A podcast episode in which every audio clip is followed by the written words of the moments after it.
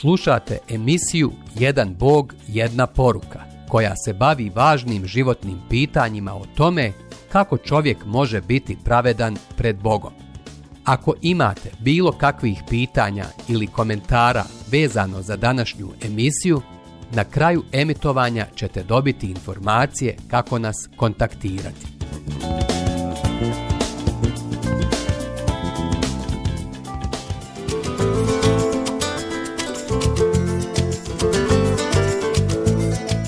Jedan Bog, jedna poruka. 28. poglavlje Faza 2. božji program sadašnjosti. Zakon ću svoj staviti u dušu njihovu i upisati ga u njihovo srce. Knjiga proroka Jeremije, 31. glava, 33. stih. Tačno je da mnogi ne pridaju mnogo značaja činjenici smrtonosnog prokletstva grijeha – ali upravo oni žive svezani onim što je svakodnevno prokledstvo. Većina svjetske populacije živi u strahu od usuda, zle sreće, bolesti i smrti. Mnoge brige nam dolaze zbog manjka novca za osnovne životne potrebe, za račune i dugove. Neki se boje crne magije, sujevjerno pazeći na mnoge stvari, da ih ne bi urekli zli duhovi i oteli im sreću, da bi se odbranili od svega toga lošeg, od duhova pakosti i pogroma. Neki posežu za Amajlijama, za vračkama, kako bi zaštitili i sebe i svoje, kao i prostore u kojima žive. U tu svrhu se koriste magijske formule i posebni napici. Bogu hvala, oni koji poznaju svog stvoritelja i otkupitelja, oni koji vjeruju u njega nemaju potrebe posezati za svim ovim. Zašto? Naš je Bog neizrecivo veći od svih sila zla stvarnih i nestvarnih. Vjernici se ne boje ničega jer gospod Isus ima autoritet nad svim silama svijeta, pa i nad samom smrću. Isus je došao ne samo poništiti prokledstvo grijeha, što suštinski mijenja našu vječnu sudbinu, plativši cijenu brisanja naših grijeha i pobjeđujući smrt, već i poništiti prokledstvo koje nam grijeh donosi u svakodnevnom životu. Poništenje prokledstva. Faza 2. Biblija nam poručuje. Vi ste dječice od Boga i pobjedili ste ih, jer je moćniji onaj koji je u vama nego onaj koji je u svijetu. Prva Ivanova poslanica, četvrta glava, četvrti stih. Ko je onaj koji je u vama, to jest u nama, vjerujućim? Noć pred raspeće, Isus je rekao svojim učenicima. I ja ću moliti oca, i on će vam dati drugoga branitelja da bude s vama zauvijek, duha istine, kojega svijet ne može primiti jer ga ne vidi i ne poznaje. Vi ga poznajete jer kod vas ostaje i u vama je. Neću vas ostaviti kao siročad, doći ću k vama. To sam vam govorio dok sam boravio s vama. Branitelj, duh sveti koga će otac poslati u moje ime, Poučavat će vas o svemu i dozivati vam u pamet sve što vam ja rekoh. Mir vam ostavljam, mir vam svoj dajem. Dajem vam ga, ali ne kao što svijet daje. Neka se ne uznemiruje vaše srce i neka se ne straši.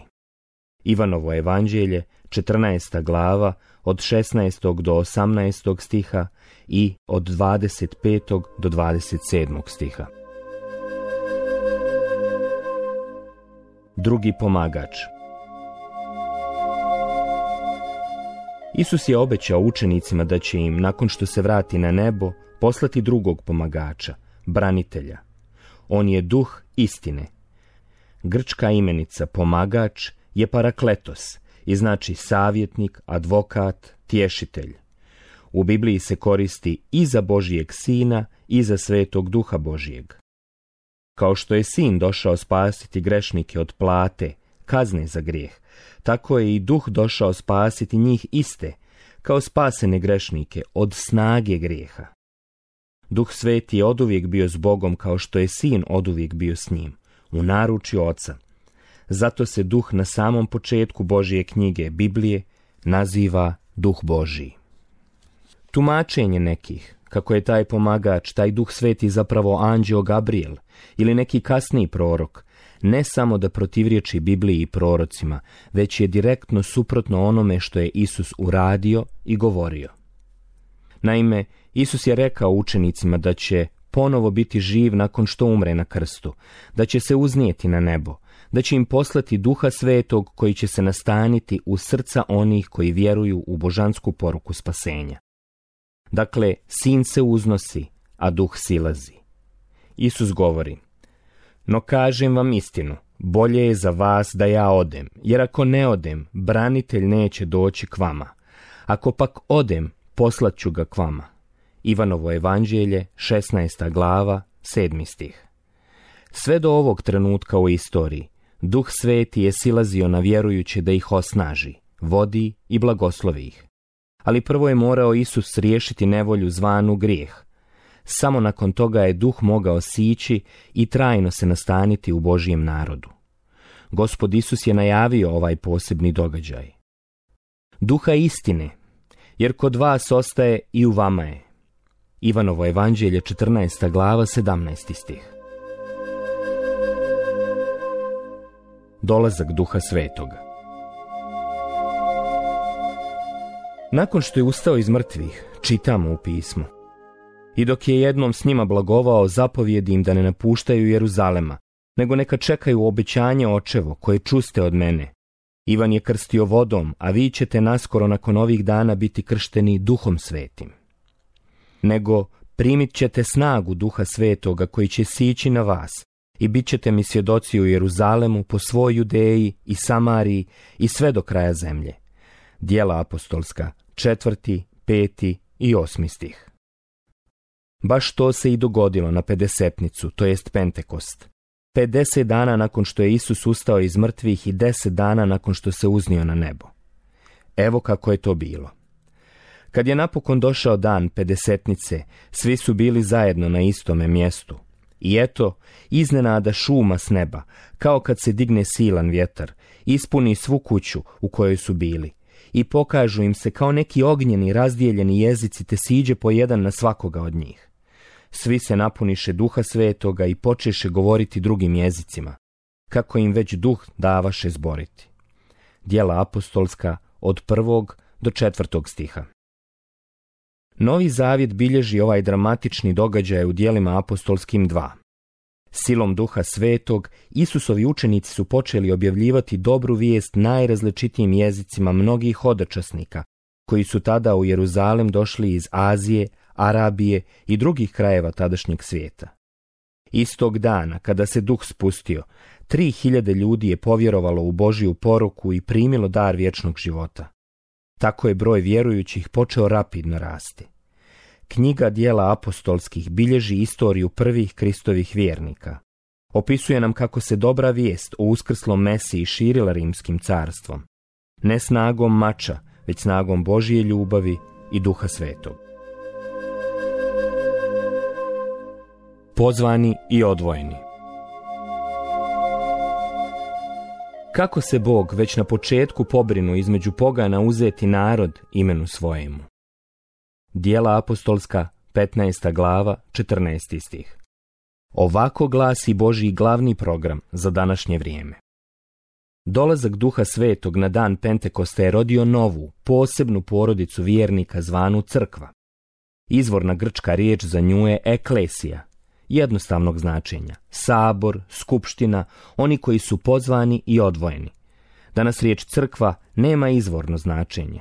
Šta više opterećena je pogrešnim konceptima bezbrojnih denominacija. Mnogi koji se nazivaju kršćanima otvoreno svojim načinom života kaljaju ime Kristovo. Možda su religiozni, ali su daleko od istinskog i iskrenog odnosa s Bogom. Nikada vjerom u Isusovu krv nisu doživjeli očišćenje grijeha.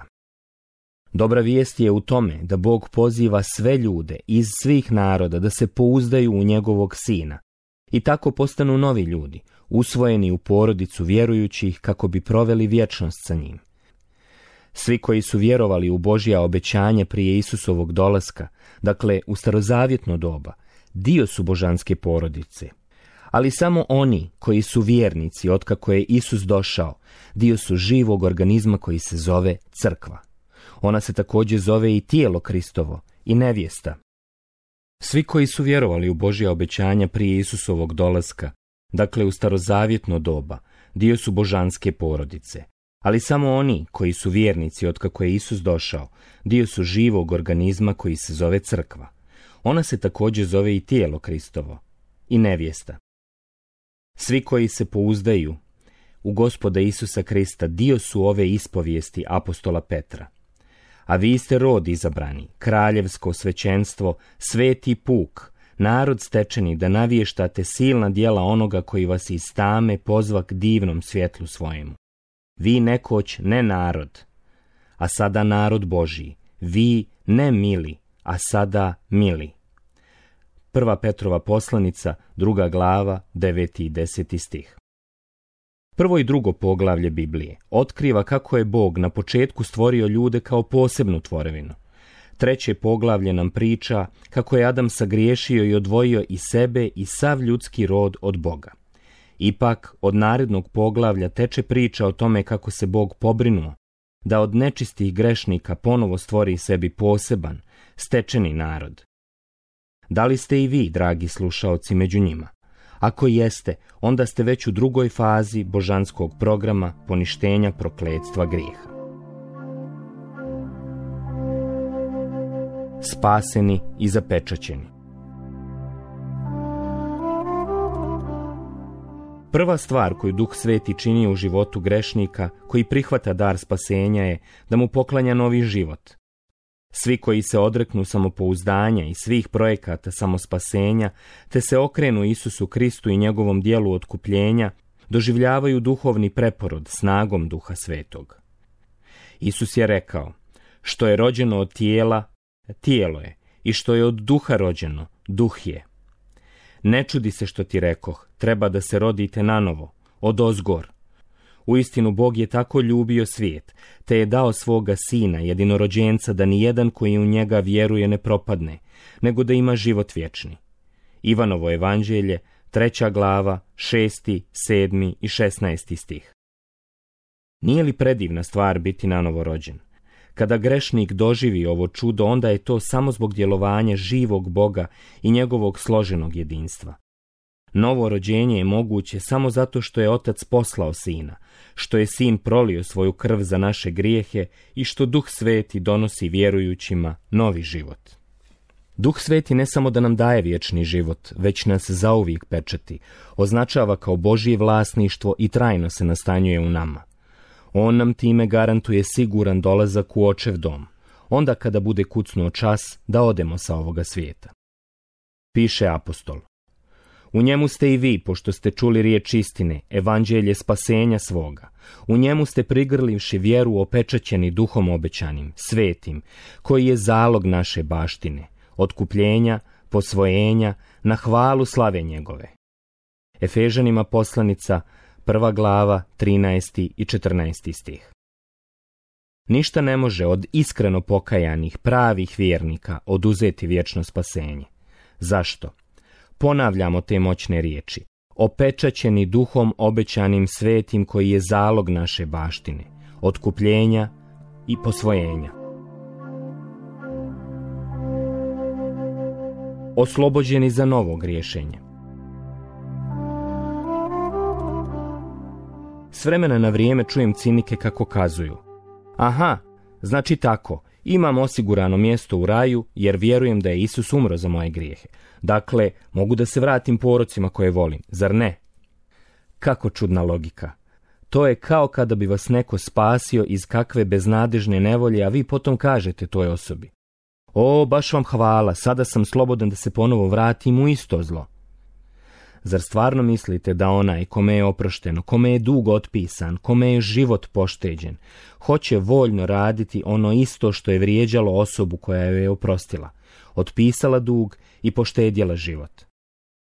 Ko od nas, kada opere nesmotreno ukaljanu odjeću, kaže, nakon što je obuče čistu, mirišljavu i opeglanu, Lijepo, e, sad sam slobodan opet upasti u ono blato. Takvo poimanje je suludo. Zašto Adamovi potomci uopšte tako nešto pomišljaju kada je riječ o grijehu i njegovim posljedicama? Odgovor je bolno očigledan. Grijeh ima silu porobiti nam i um i srce. On to radi do mjere koja nas uvjerava da je grijeh dobar, poželjan i koristan. Nije to ništa novo. Adam i Eva su tako vidjeli svoj prijestup.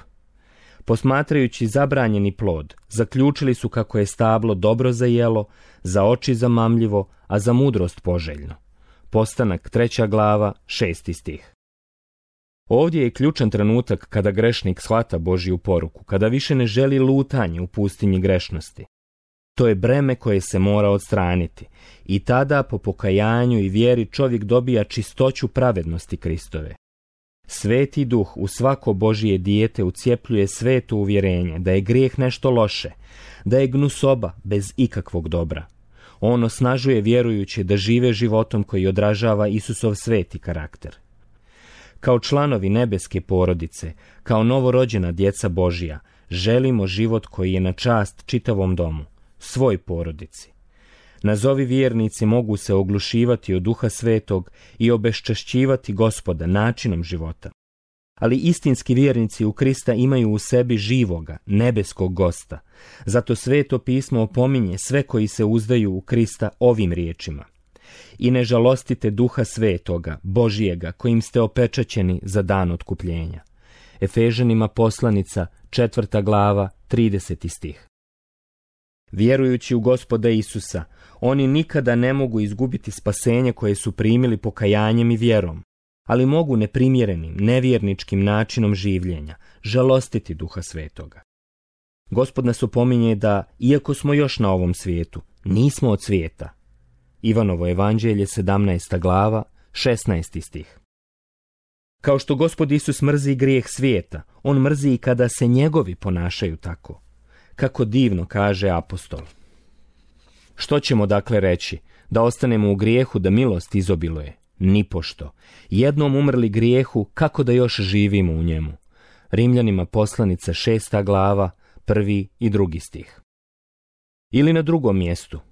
Umrtvite dakle udove svoje zemaljske, bludnost, nečistoću, strasti, zlu požudu i pohlepu, to idolopoklonstvo. Zbog toga dolazi gnjev Božiji na sinove neposlušne. Tim ste putom i vi nekoć hodili, kad ste u tome živjeli ali sada i vi odložite sve. Gnjev, srđba, opakost, hula, prostota van iz vaših usta. Ne varajte jedni druge. Jer svukoste staroga čovjeka s njegovim dijelima i obukoste novoga, koji se obnavlja za spoznanje po slici svoga stvoritelja. Kološanima poslanica od petog do 10. stiha. Božiji život u vjernicima Sin Boži je došao izbaviti nas kao vjerujuće grešnike od posljedica grijeha, to jest njegove kazne.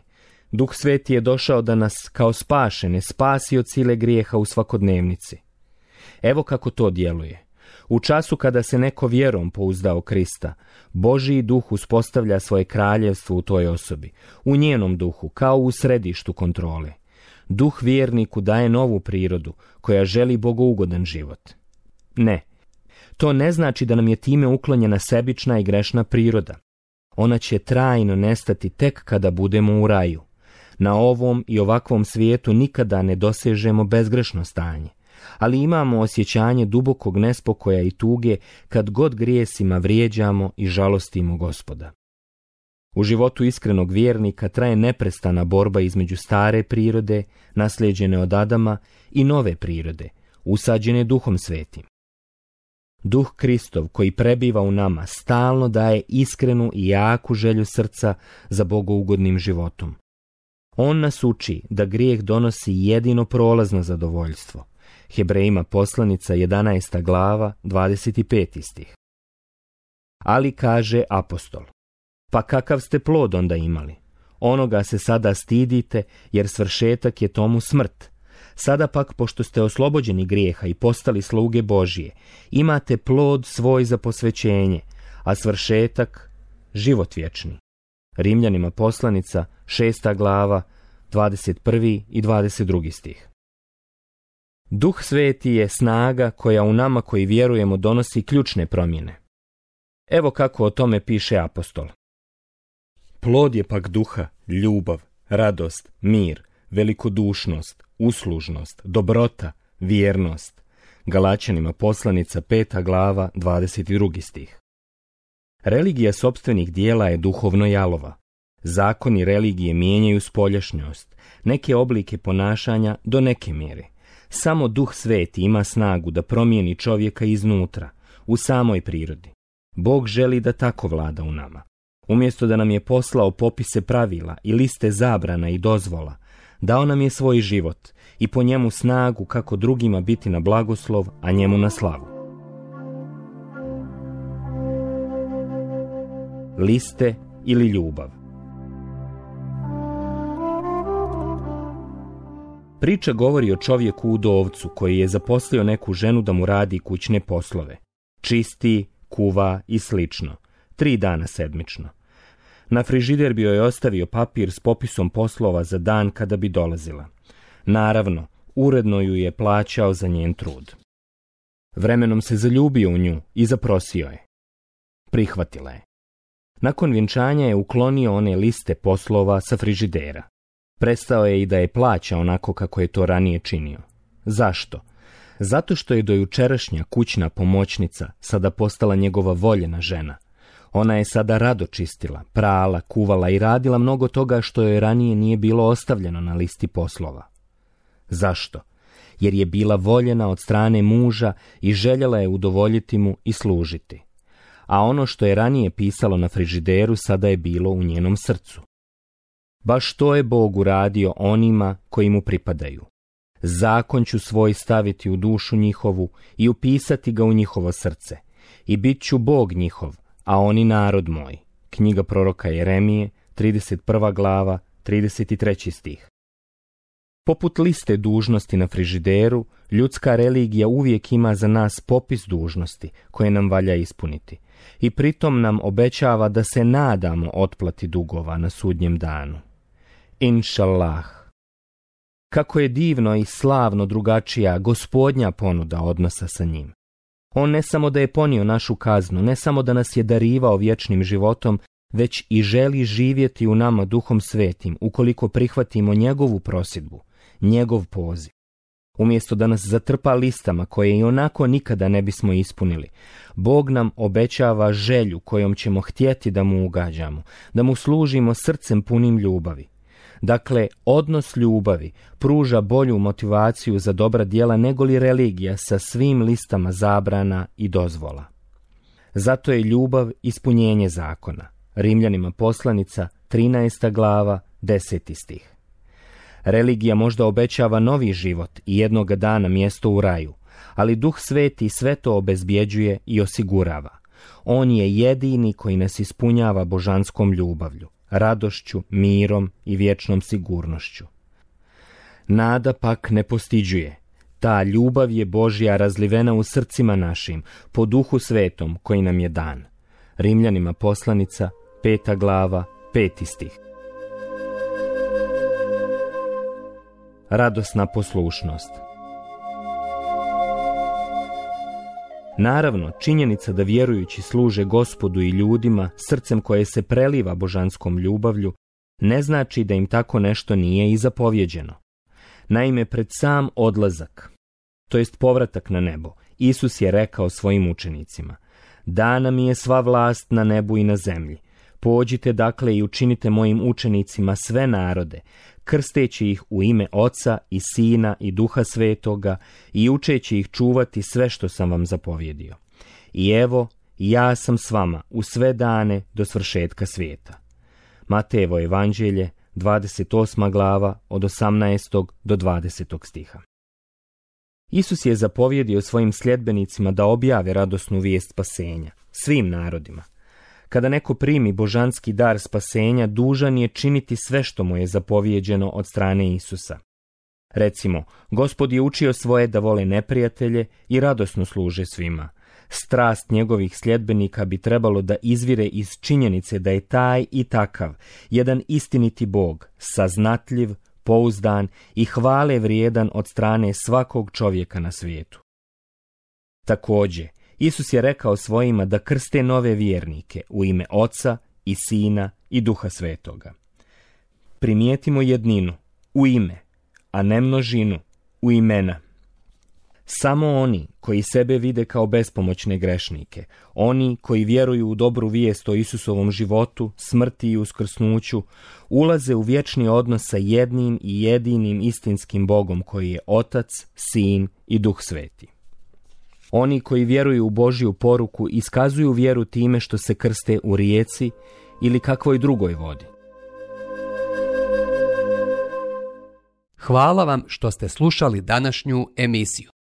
Kontaktirajte nas putem našeg e-maila putpravednosti.bih.gmail.com ili putem naše Facebook stranice Put pravednosti. Do sljedećeg slušanja.